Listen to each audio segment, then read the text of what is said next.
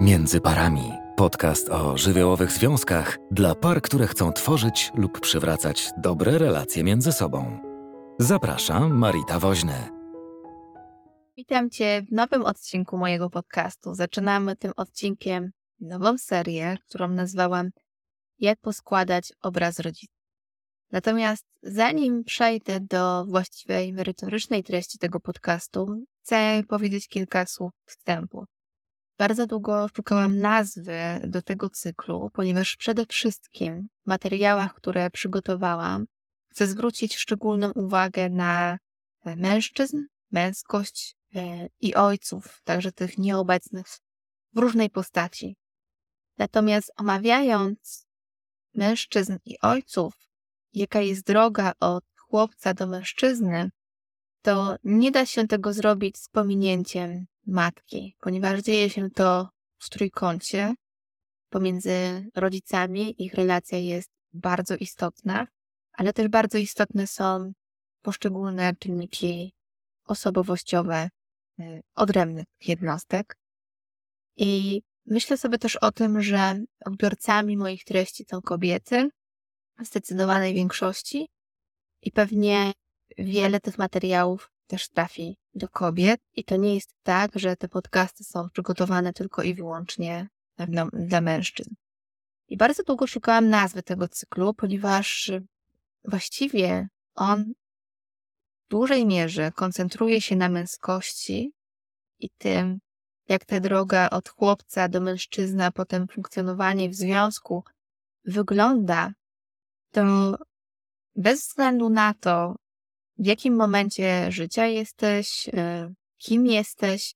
Możesz z tych podcastów czerpać bardzo dużo, ponieważ one są wielowątkowe i znajdziesz tam wielu bohaterów e, w jednej postaci, czyli mówiąc o ojcach, być może to dotyczy ciebie, jeśli jesteś tatą, ale też słuchając o ojcu, możesz słuchać o swoim ojcu i o jego ojcu.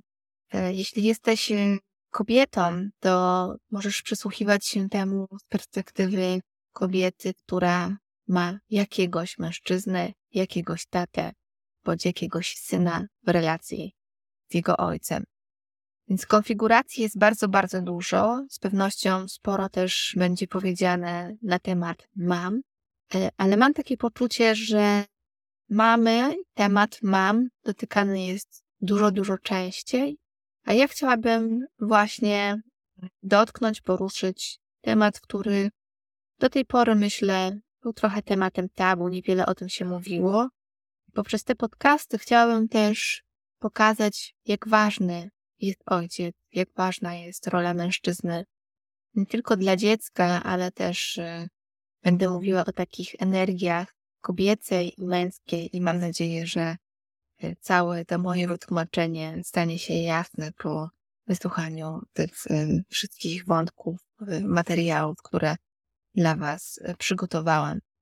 Krótko mówiąc, ten cykl, jak poskładać obraz rodziców, czyli będziemy oglądać ich relacje i wpływ na funkcjonowanie dzieci, przede wszystkim chłopców, ale też nas, jako kobiet, będących potem w relacji tymi mężczyznami. E, to, to jest taki fragment, w którym będziemy sobie patrzeć, jak w ogóle tworzą się więzi, jak to wszystko ze sobą się łączy, jak przeszłość wpływa na teraźniejszość i być może ta trudność w oddzieleniu tych tematów polega właśnie na tym, że ich nie da się oddzielić, że to jest wielowątkowe, e, że to nie jest jednowymiarowe i aspekty, które tutaj będę poruszać, nie będą wyczerpane, e, bo można by o tym mówić bardzo, bardzo dużo. Ja skupię się na e, takich najważniejszych z mojego punktu widzenia e, aspektach.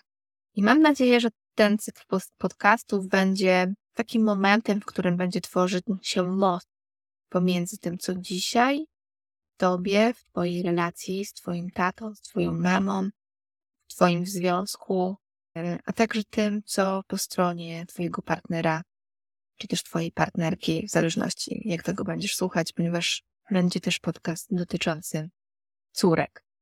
I tym słowem wstępu chcę Was zaprosić do takiego pierwszego etapu, wstępnego również e, tych podcastów, czyli przyglądania się takiemu rozwojowi psychicznemu e, dziecka, e, w szczególności mężczyzny. Mam nadzieję, że ta seria będzie dla Was owocna i będzie też dobrym uzupełnieniem poprzedniej serii, jak się poskładać po trudnym dzieciństwie, która jest dostępna w formie podcastów. Możecie do nich wrócić. E, w pełnej wersji wideo z prezentacjami jest dostępna na YouTubie między parami. E, a cały ten, ten cykl powstał w ramach promocji e-booka Jak się poskładać po trudnym dzieciństwie i zbudować szczęśliwą relację. Zacznijmy więc od procesu dojrzewania. E, to jest taki temat, wokół którego powstało wiele książek, badań, literatury. Nie mam zamiaru omawiać ich wszystkich tutaj, ale chcę powiedzieć o takich najważniejszych aspektach. Powiedziałabym, że to jest taka seria następujących y, po sobie właśnie etapów, która nie jest takim procesem linearnym, chronologicznym, y, jest bardziej jak spirala, czyli pewne rzeczy wracają w różnych momentach naszego życia. Ten proces się przeplata, nie jest taki sam u wszystkich osób. I to wszystko składa się na budowanie naszej tożsamości. To jest proces, który trwa całe nasze życie. I chociaż e, mówi się o tym, że ten wiek 18 lat jest takim okresem, kiedy wkraczamy w dorosłość, to jednak e, kształtowanie tej tożsamości następuje, myślę, dużo, dużo później, kiedy jesteśmy już bardziej świadomi tego, co się w nas dzieje, i to jest około 30 roku życia, kiedy e, nabywamy trochę innego wglądu w nasze e, doświadczenie, co też chyba pokazuje, że odbiorcami tego podcastu są właśnie takie osoby, które w jakimś sensie po różnych trudach dzieciństwa szukają właśnie siebie. Przygotowując się do tych e, podcastów, bardzo korzystałam z takiego myślenia psychoanalitycznego, i chciałabym zrobić też taki wstęp, ponieważ wszystko to, co będę mówiła, to z jednej strony będzie dotyczyło ojców i matek, czyli tej konkretnej osoby, która ciebie urodziła, potem wychowała, e, ojca, który przyczynił się do tego, że jesteś na tym świecie. Natomiast e, jak będę mówiła o ojcach i matkach, to można o tym myśleć trochę szerzej. Generalnie my jako ludzie, jako dzieci, przechodzimy taki proces wyrastania z matki i wyrastania z ojca, w takim rozumieniu psychoanalitycznym. I jak wyrastamy z ojca i wyrastamy z matki, to musi też następować y, moment uwalniania się od tych osób, czyli od mamy i od tacy, przechodzenia raz na stronę ojca, raz na stronę matki, że stanie się to za chwilę trochę jaśniejsze. I trwa to całe życie i jest możliwe tylko częściowo, czyli nie jesteśmy w stanie nigdy w pełni uwolnić się od mamy i od taty, bo nas e, bardzo silne więzi. Nawet jeśli masz ochotę powiedzieć, że tam nie ma więzi, to być może mówisz o tym, że ta więź jest jakoś naruszona i trudna. I przytoczyłabym e, też słowa Junga, który mówi, że jeśli nierozwiązywalnych problemów rozwojowych nie można przezwyciężyć, to jedyne, co można, to na nich wyrosnąć. I myślę sobie, że z jednej strony jest tak, że wiele rzeczy jesteśmy w stanie poukładać w sobie, e, po to też tworzę te różne materiały, cykle o tym, jak się poskładać po trudnym dzieciństwie, ale też są takie aspekty, których nie da się już rozwiązać, które miały swój czas w przeszłości nie da się ich naprawić, nie da się na przykład y, dostać ciepła czy miłości rodzica z czasów, kiedy byliśmy małymi dziećmi. Ten okres po prostu już minął i pewne rzeczy są i na nich możemy wyrastać. Niekoniecznie uzupełniając jakoś te braki. Myślę, że często tkwimy w przeszłości, mamy tam silne korzenie i trochę jesteśmy blokowani przez różne mechanizmy, które w nas są do tego, żeby właśnie z tego wyrastać. Być może to wyrastanie to jest taki zablokowany proces, bo pewne uczucia, pewne doświadczenia domagają się zobaczenia, odkrycia, porozmawiania, ujawnienia i dlatego jest nam bardzo trudno z tym I ten rozwój y, psychiczny można podzielić na różne etapy. Różni badacze, twórcy różnie to dzielili. Na przykład Erik Erikson zaproponował teorię, teorię ośmiu etapów rozwoju. E, ale też y, można o tym myśleć w taki sposób, że etapy są jakimś rodzajem symbolu, gdzie w danym okresie coś typowego, specyficznego dzieje się. Są tam specyficzne wyzwania, które wiążą się właśnie z budowaniem tożsamości. E, jeśli chodzi o to, jak powstaje mężczyzna na przykład, e, albo jak powstaje dziecko, jak powstaje kobieta, można myśleć o tym w takich fazach e, właśnie dzieciństwa, okresu dojrzewania, wczesnej dorosłości, potem środku życia, późnej dorosłości i starości. Te różne etapy, które się po sobie następują. Ja tych etapów nie będę tutaj przytaczać, omawiać ich bardzo dokładnie, ponieważ godziny by nam zeszły na to. Natomiast chciałabym się skupić e, tak pokrótce, zwłaszcza na tych pierwszych etapach, czyli e, przede wszystkim zacząć od tego okresu niemowlęctwa i, i dzieciństwa właśnie. Można więc powiedzieć, że ten okres niemowlęctwa, dzieciństwa jest takim okresem, zwłaszcza pierwszy, w pierwszym roku życia, pierwsze półtora roku życia, zdominowany przez matkę, czyli to jest taki czas y, niezwykle silnej relacji mamy z dzieckiem. Też myślę, że na ten temat już wiele zostało powiedziane. I przede wszystkim to jest czas takiego pielęgnowania, bycia blisko, y, momenty karmienia piersią czy też butelką, y, przytulania, moment takiej symbiozy z tą mamą, czyli takiego fragmentu, kiedy parze dochodzi do zmiany w układzie rodzinnym, czyli pojawia się trzecia osoba i nagle para musi odnaleźć się w tym wszystkim. I o tym, co się dzieje w parze, trochę mówiłam w moich poprzednich, jakichś pierwszych podcastach o różnych kryzysach po pojawieniu się dziecka, co się tam zmienia. Więc Was do tego odsyłam, zachęcam, zapraszam. Ale tutaj ważne, żeby zdać sobie sprawę y, z czegoś, co jest oczywiste, czyli że ta mama jest całym światem, jest reprezentacją świata wewnętrznego tego dziecka. To jest niezwykle ważny, potrzebny czas takiego bycia przy mamie, doświadczania tego, co matczyne, takiego pomieszczania, uczenia się, kiedy mama zajmuje się, pielęgnuje, odczytuje sygnały, uczy się tego dziecka, odpowiada na jego potrzeby pielęgnowania. I to jest też taki okres, w którym mały chłopczyk jest chłopczykiem mamusi. I do tego chłopczyka mamusi jeszcze w kolejnych y, podcastach, materiałach będzie się na pewno odnosiła. Ale już tutaj chcę też powiedzieć, że sam moment rodzenia się dziecka, a potem odstawiania go od piersi, jest momentem separacji. Czyli tego, co potem w życiu dorosłym doświadczamy, co staje się czasem trudne albo jakoś zaburzone, utrudnione też ze strony rodziców na przykład. Te pierwsze momenty, jak to przebiegało, są też ważne w procesie tej separacji. My trochę bardziej świadomie na procesie separacji koncentrujemy się wtedy, kiedy dziecko ma na przykład dwa latka i zaczyna mówić nie. Wtedy wiemy, że zaczyna uczyć się samostanowić o sobie, chociaż jeszcze nie czujemy, że to jest ten klimat oddzielania się e, od mamy, bo e, wciąż dziecko jest bardzo od niej zależne, ale już warto myśleć o tych okresach jako takiej separacji.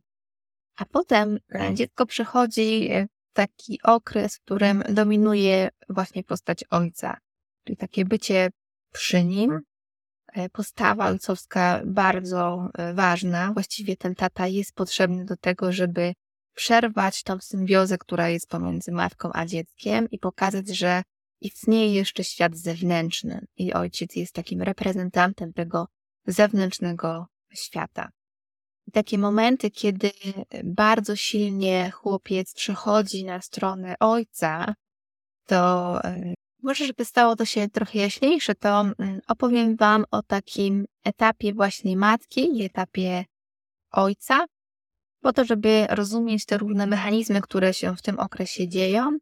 E, a potem bardziej szczegółowo będę w kolejnych podcastach omawiała nieobecność e, tych ojców, też postawy matek e, wpływające na to, jak kształtuje się ta męskość i, i też będę omawiała różne typy ojców i ich relacje właśnie z dziećmi. Początkowo będę omawiała na pewno synami, a później będzie dedykowany podcast też o dziewczynkę, o córkę. Tak więc e, matka, a więc ten etap, etap matki, taka faza, w której e, ta mama stanowi podstawę do dalszego rozwoju psychicznego. I w takich idealnej sytuacji, to jest taka, idealna sytuacja jest taka, że dziecko jest przez matkę całkowicie e, kochane przyjęte, zaopiekowane, matka, która potrafi skontenerować, widzieć to dziecko, odpowiadać na jego potrzeby. I tutaj z taką gwiazdką chcę powiedzieć e, ważną rzecz, że jak używam słowa matka, to mam też na myśli e, coś więcej niż pojedynczą osobę, która opiekuje się tym dzieckiem, e, ponieważ matka to możemy to rozumienie poszerzyć do takiego otoczenia dziecka, środowiska, które pielęgnuje to dziecko.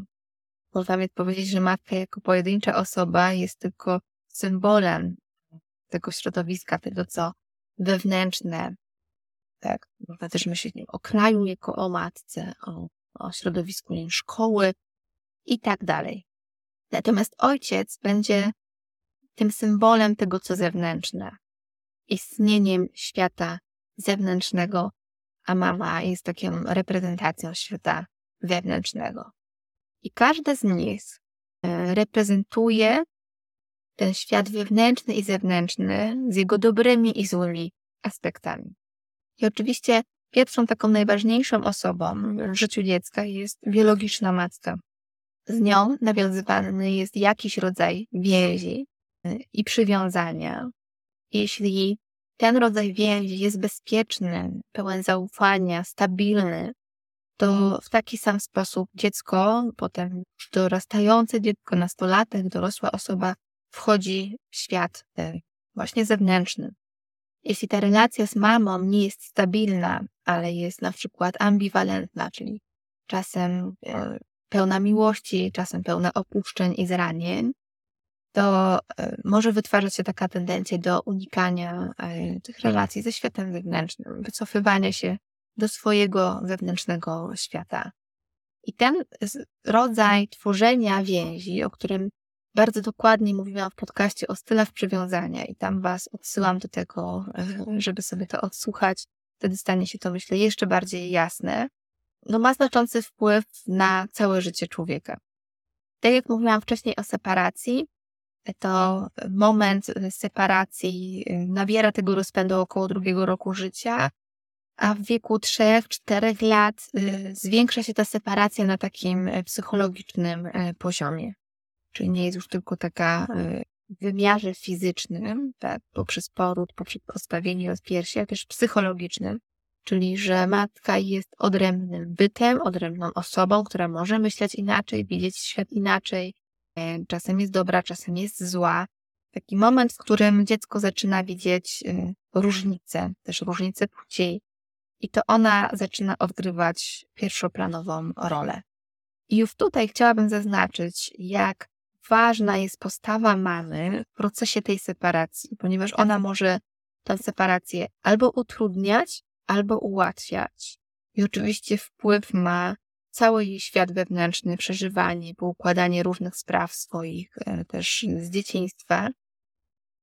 I jej taki ambiwalentny stosunek do tej separacji, czyli z jednej strony wiem, że to dziecko potrzebuje na przykład decyzyjności, a z drugiej strony jakoś nieświadomie mam potrzebę e, władzy, decyzji, opieki, troski, czyli trudno jest mi zgodzić się na to, że moje dziecko dorasta, że moje dziecko może zadecydować, mogę uznawać, że to jest za wcześnie, że jest jeszcze za małe i na to przyjdzie czas. A z drugiej strony wymagać na przykład samodzielności w innych obszarach, to powoduje y, duży konflikt emocjonalny u tego dziecka ponieważ jeśli sami jako rodzice e, nie mamy sobie różnych rzeczy poukładanych, to y, też dzieci są bardzo wyczulone na emocje rodzica. E, ponad wszystko pragną ochronić więź z rodzicem, nawet kosztem samego siebie. E, więc ta ambiwalencja będzie też przez to dziecko wyczuwana e, będzie odczytywana też w postaci konfliktu. Czy to dobrze, czy źle jest opuścić mamę? Czy można, czy nie można? Czy mamie będzie przykro, czy ona będzie zadowolona? Czy ona sobie poradzi, czy się rozsypie? I to jest ten kawałek, kiedy ta mama y, może utrudniać separację. Ale separacja może też być utrudniana w inny sposób, taki, że y, mama, która jest niespokojna, może za szybko odsuwać dziecko, zbyt szybko się z nim rozstawać, nabierać dystansu, opuszczać go, a właściwie zostawiać go z takim poczuciem y, opuszczenia. I te tęsknoty w dziecku za tą relacją będą pozostawały. I ta figura mamy ma takie zadanie, aby zapewnić podstawę wewnętrznego poczucia własnego ja u dziecka. Czyli, że ono wie, kim jest, że może samostanowić o sobie, decydować, rozpoznaje swoje stany wewnętrzne, emocje. O tyle ojciec ma takie zadanie, żeby odkryć zewnętrzny świat przed tym dzieckiem. I tak jak powiedziałam wcześniej, to nie jest tylko mowa o jakiejś pojedynczej jednostce, która staje się ojcem, a raczej o ojcach w ogóle. I mogą się pojawiać y, pod postaciami nauczycieli, różnych przywódców, duchownych, polityków. Y, wszystko to z jakąś energią męską, chociaż nie wszyscy tych osób muszą być mężczyznami. I tutaj co ważne, że tak jak każda kobieta ma e, w sobie jakiś rodzaj energii męskiej, tak każdy mężczyzna ma swoją kobiecą stronę. Czyli takie kawałki, które reprezentują jego wewnętrzne życie, obszary doświadczenia, intymności, jego wnętrze, krótko mówiąc. I to właśnie ojciec jest takim mostem takim przejściem do świata zewnętrznego, gdzie pomaga się dostosować do różnych oczekiwań tego właśnie świata. I to pokazuje, jak e, ta figura ojca i matki jest ważna i fundamentalna do budowania e, struktury osobowości człowieka. Ponieważ początkowo dla dziecka, właśnie w tej takiej relacji pierwotnej z mamą, ten świat zewnętrzny i wewnętrzny jest jednym. Nie istnieje między nim różnica i to ojciec jest właśnie reprezentantem, e, który ma zadanie pokazywać, oswajać to, co zewnętrzne. I idąc trochę głębiej, to wszystko sprowadza się do tego, że ta świadomość, która się tworzy, e, te różnice, które się pojawiają, tworzą taką oś, tworzą taką oś pomiędzy tym, co kobiece i co męskie, co wewnętrzne i co zewnętrzne. I to dotyczy zarówno chłopców, jak i dziewczynek, z taką różnicą jednak, że ten rozwój nieco się różni, ponieważ chłopcy identyfikują się z ojcem, a dziewczynki identyfikują się z matkami. Czyli dziewczynki przez identyfikację z matką mogą e, powstrzymywać e, swoje poczucie tożsamości, ciągłość tej tożsamości, i one przez to y, mają taką tendencję do przeżywania tego wewnętrznego świata. Bliski jest im świat wyobraźni, intymności. Natomiast mały chłopiec, kiedy rozstaje się z mamą, to doświadcza tego mm, rozłamu w tym świecie wewnętrznym i zewnętrznym i wychodzi na zewnątrz, identyfikuje się e, z tym ojcem, staje się jemu bliski, zwraca się ku niemu, przyjmuje jego sposób myślenia, widzenia, patrzenia na świat. I to, jak taki chłopiec wejdzie w świat e, mężczyzn, jest zależne nie tylko od postawy ojca i jego wewnętrznego spokoju i poukładania różnych swoich kawałków też ze swoim ojcem z kolei matką, ale też e, w dużej mierze zależy od tego, w jaki sposób matka zaprasza tego ojca do diady, którą tworzy z dzieckiem. do diady, która przekształca się w triadę, czyli ona wpuszcza y, ojca do e, tego kontaktu z dzieckiem właśnie. I tutaj już są bardzo, bardzo ważne momenty e, tego, w jaki sposób mama przedstawia tatę, w jaki sposób widzi tego tatę, jaki ona ma obraz tego ojca i czy to jest bardzo ważne, czy przedstawia go jako pozytywną postać, a nie jako zagrożenie, nie jako trud, nie jako kogoś, y, komu nie warto ufać. I to jest taki punkt, punkt, w którym widać, jak bardzo ważne są relacje pomiędzy rodzicami, nawet jeżeli nie są parą, e, dlatego że już w tym momencie jest taki fragment, w którym nawet chcąc dobrze dla dziecka, możemy pewnych rzeczy, możemy pewne rzeczy mieć niepoukładane w sobie i przez to nieświadomie przekazywać dziecku. Idealnie by było, e, aby ta mama właśnie przedstawiała postać taty jako postać pozytywną. I być może e, nie każda e, postać taty jest pozytywna w obrazie mamy, tak? Czyli matka ma różne trudne doświadczenia ze sobą, e, z ojcem. Natomiast y, ona musi to ułożyć sobie sama ze sobą i z innymi dorosłymi ewentualnie i chronić to, by jednak te części negatywne nie przedostawały się w stosunku do dziecka, ponieważ to będzie mu też utrudniało taką identyfikację z tym ojcem.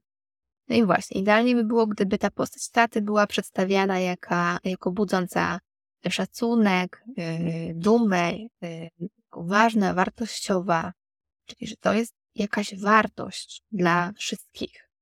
I to, co istotne, to jest niezbędne taki obraz taty przedstawiany przez mamę dla dalszego rozwoju, po to, żeby dla dziecka y, identyfikacja potem z ojcem nie wiązała się z jakimś lękiem. To też będę rozwijała, czyli mimo wszystko dziecko, które powstaje z matki i ojca, ma części matki i ojca.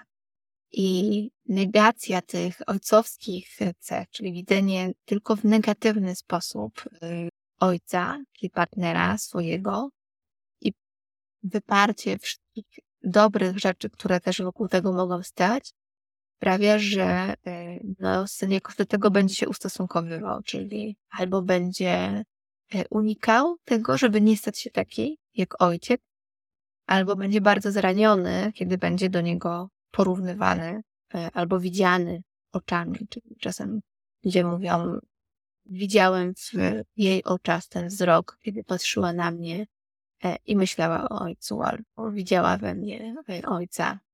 Albo co gorsza, wprost porównywała e, z ojcem i to porównywała tylko w tych negatywnych aspektach.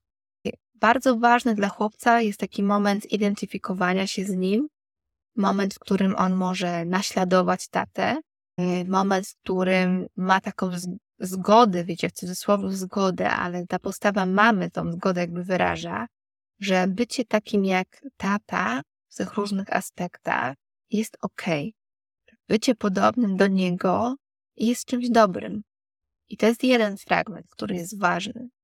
Teraz y, mama, która zaprasza do świata, do tej diady tatę, y, wpuszcza go do tego świata, może zacząć czuć się opuszczona. Czasami kobiety nie mają z tym kontaktu i nawet w taki żartobliwy, czasem uszczypliwy sposób gdzieś się o tym mówi, że tak, teraz tylko tatuś się liczy, a do mamusi to się nie przyjdziesz przytulić, a mnie to teraz masz gdzieś, to tylko tata się interesuje. I że to już jest taki kawałek właśnie czegoś negatywnego. Tak jakby nie można było kochać taty. I że to, co potrzebuje dziecko, y, nawet jeśli mama czuje się właśnie opuszczona, zraniona, bo być może to jest, to się kryje pod spodem, to potrzebuje tego, by matka nie prezentowała, przynajmniej w stosunku do tego dziecka, krytycznej postawy względem ojca. Czyli mówiąc trochę w skrócie i trochę w taki idealny sposób, dobrze by było, gdyby mama swoją postawą pokazywała, zgadzam się, możesz kochać swojego tatę. I dla takiego chłopca ta idealizacja jest potrzebna do tworzenia znowu kolejnej podstawy czy fundamentu do rozwoju osobowości. I dopiero w okresie dojrzewania przychodzi taki moment, w którym, tak jak powiedziałam, dziecko, chłopiec wyrasta z ojca, czyli zaczyna widzieć tego tatę w sposób, który nie jest idealny, ale ta faza idealizacji jest niezwykle potrzebna. Dobrze, jeśli mama tego nie utrudnia. Czyli zaczyna ten chłopiec widzieć braki ojca, widzieć go realnie, widzieć go swoimi oczami, rozczarowywać się, się nim. Nawet jeśli ten tata e, stara się być wspaniałym ojcem, to znajdą się takie rzeczy, e, ponieważ to jest naturalny proces rozwojowy, który musi się zadziać, czyli rozczarowanie się rodzicem. Być może to się też rozlać i pojawić szerzej, czyli rozczarowanie wszystkim tym, co męskie, czyli to, co powiedziałam, nauczyciele, nie wiem, duchowni, politycy, świat, przywódcy jacyś, e, jakieś autorytety, ktoś, e, kto wydaje się większy, lepszy y, od ojca, to jest ten moment, kiedy ta idealizacja tego, co męskie, przesuwa się w tym kierunku właśnie. Czyli podobnie jak mama e, została wcześniej odsunięta na rzecz taty, tak tata zostaje odsunięty na rzecz innych postaw męskich, które są potrzebne temu chłopcu, nastolatkowi do stania się mężczyzną. Natomiast ta postać taty dla chłopca e, znowu powróci do jego e, pamięci, do jego wyobrażeń, gdzieś w połowie jego życia. Natomiast to, o czym mówię, jest takim trochę fizycznym, a trochę psychologicznym e, odsunięciem się od rodziców i tym procesem separacji, o którym opowiadałam, ale rodzice, czyli mama i tata, tak są obecni w psychice dziecka, czyli tworzy się taka, taki pewien rodzaj matrixu, jakiś matrix, wewnętrzna reprezentacja e, tego, co matczyne i tego, co ojcowskie. I każdy z nas w środku to ma. Nawet jeśli matka umrze, odejdzie, ojciec umrze, odejdzie, my to mamy. Mamy to w sobie, jakąś reprezentację, czyli nie tylko to, jaka ta matka czy ojciec byli, ale też to, co inni mówili o nich, jak traktowali, jak ich postrzegali, jacy byli dla nas, albo jak nie było to, jaka narracja na ich temat wpłynęła e, z naszego środowiska, z naszego otoczenia, od bliskich nam osób. Teraz e, jeszcze ważna rzecz, że nie każdy ojciec potrafi też e, pozwolić synowi na taką idealizację. I to powoduje taką rysę w rozwoju tego syna. Natomiast kiedy to się daje, to może to być bardzo trudny moment dla matek, kiedy ta idealizacja następuje, dlatego że w pewnym momencie taki syn może zachłysnąć się tą męskością, sprawczością, może e, mieć takie wybujałe wizje na, na swój temat, może się puszczyć tą męskością, dewaluować kobiecość, y, czuć się jakimś takim supermenem i właśnie ignorować czy umniejszać to, co matka robi. Nie rozumiejąc trochę tego procesu, rzeczywiście można tutaj czuć się y, opuszczoną, zostawioną, nieszanowaną. Oczywiście te granice są potrzebne, tak, które będzie i stawiała matka, i stawiał ojciec, ale dobrze jest też rozumieć, że to wynika z fazy rozwoju, czyli że to jest y, w jakimś sensie potrzebne. Co nie oznacza, że na wszystkie warianty tego puszenia, nadmiarowości, y, kiedy to się zaczyna stawać takie na, na pograniczu czy wybujałe, rodzice mają się na to godzić, ale pewien aspekt zgody no, musi następować, żeby y, syn mógł tego doświadczyć. I to nie jest takie piękne i kolorowe dla ojców, w takim sensie, że no, mama jest do pewnego okresu, nie wiem, powiedzmy Y, jakoś ważna, potem jest odsuwana i tylko ojciec jest idealizowany, ponieważ ta idealizacja w którymś momencie ojca też musi się skończyć i ona nie będzie trwała wiecznie. Jeśli to się nie zadzieje jakoś samoczynnie ze strony dziecka, to też ojciec musi w tym pomóc trochę. Y, choć najczęściej dzieje się to nagle, niespodziewanie i to jest taki trochę szok dla tego ojca, że jakby co tu się wydarzyło. Czasem dzieje się to poprzez, nie wiem, wypowiedzenie jakiegoś słowa, zdania, poprzez jakąś postawę, e, odkrycie jakiejś swojej wartości. Jeśli to po prostu nagle można mieć nawet poczucie jakiejś takiej nieadekwatności, że to się wydarza i, i dlaczego diametralnie zmienia się postawa syna w stosunku do ojca. A to jest właśnie ten moment y, rozczarowywania się, który rozwojowo musi nastąpić.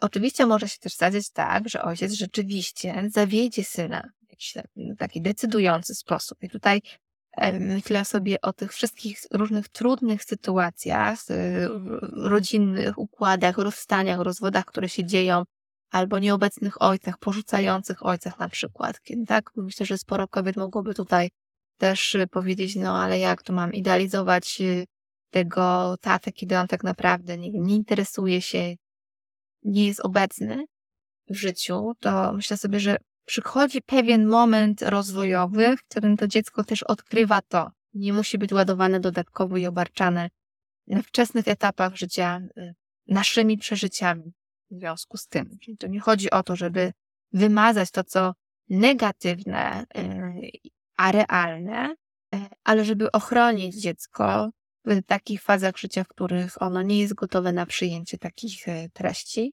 Jak tutaj słyszycie dalej, to jest jest taki moment w życiu każdego dziecka, które orientuje się i zaczyna widzieć swoimi oczami ten świat, nie potrzebuje dodatkowego obciążenia, w którym przyjmuje obraz taty w taki sposób, jak widzi to matka, albo z drugą strony obraz mamy, tak jak widzi to e, ojciec, tylko może robić to samodzielnie, bez takiego obciążenia, które miałoby przez te ileś tam lat e, przekazywania negatywnego e, obrazu. A więc moment rozczarowania tatą, zniechęcania się do niego, widzenia, że on nie jest taki wspaniały i wyjątkowy, jak mi się wydawało, też następuje. Zresztą my ciągle y, w swoim życiu jesteśmy w takich obszarach i w takich momentach, w których jesteśmy zachłyśnięci, jesteśmy zachłyśnięci czymś, co nas fascynuje, a potem nagle mamy takie momenty, w których sobie myślimy, nie, no w sumie to mnie ktoś rozczarowuje, to on jest jakiś. Ale to nawet w związku to się dzieje, czyli najpierw jesteśmy zafascynowani wręcz relacją z drugą osobą, a potem y, pojawia się taki moment, w którym e, nagle widzimy inaczej ten świat i jakby te rzeczy dzieją się też po coś, te idealizacje też są po coś i rozczarowania też są po coś. Jeśli nie mamy dobrze przeżytego procesu od idealizacji do rozczarowania i takiej zgody, że jedno i drugie może się pojawiać, że pomiędzy tym jest jakaś realność, w dorosłym życiu też nam trudno z tą realnością się spotkać i my też z tą realnością często walczymy poprzez zajeżdżanie się w pracy, robienie wielu różnych rzeczy po to, żeby sobie udowadniać swoją siłę i nie doświadczyć słabości, albo w drugą stronę poprzez bycie w roli ofiary i niepodejmowanie działań, bo tylko to, co negatywne nas w życiu czeka, więc jedno i drugie jest skrajnością, a pomiędzy jest ogromna przestrzeń do wypełnienia. I właśnie dochodzimy do takiego momentu, w którym, tak jak powiedzieliśmy, ta e, inicjacja przez ojca prowadzona względem dziecka, względem syna do takiego świata zewnętrznego jest potrzebna. Potem faza idealizowania tego taty, potem moment rozczarowania i utraty poprzez bycie być może zdradzonym, w cudzysłowie, tak, przez, przez ten ideał. Ta zdrada, to rozczarowanie jest niezbędne do tego, aby syn nie związał się z ojcem na zawsze, tak jak e, wcześniej postać ojca musi się pojawić, żeby syn nie związał się z matką na zawsze. I tu dochodzimy do końca tego e, odcinka podcastu ponieważ to, co dzieje się już z mężczyzną, gdy to się właśnie nie udaje, kiedy te różne rzeczy nie następują, kiedy jest zbyt silne związanie z matką albo z ojcem, albo jeszcze jakiś inny rodzaj konfiguracji się pojawia, będę omawiała poszczególne sytuacje w kolejnych odcinkach, do których bardzo serdecznie Was zapraszam. Jeśli chcesz posłuchać innych odcinków na temat psychologii związków, zajrzyj na międzyparami.pl. Jeśli masz propozycję tematu na kolejny podcast, wyślij wiadomość przez formularz na stronie.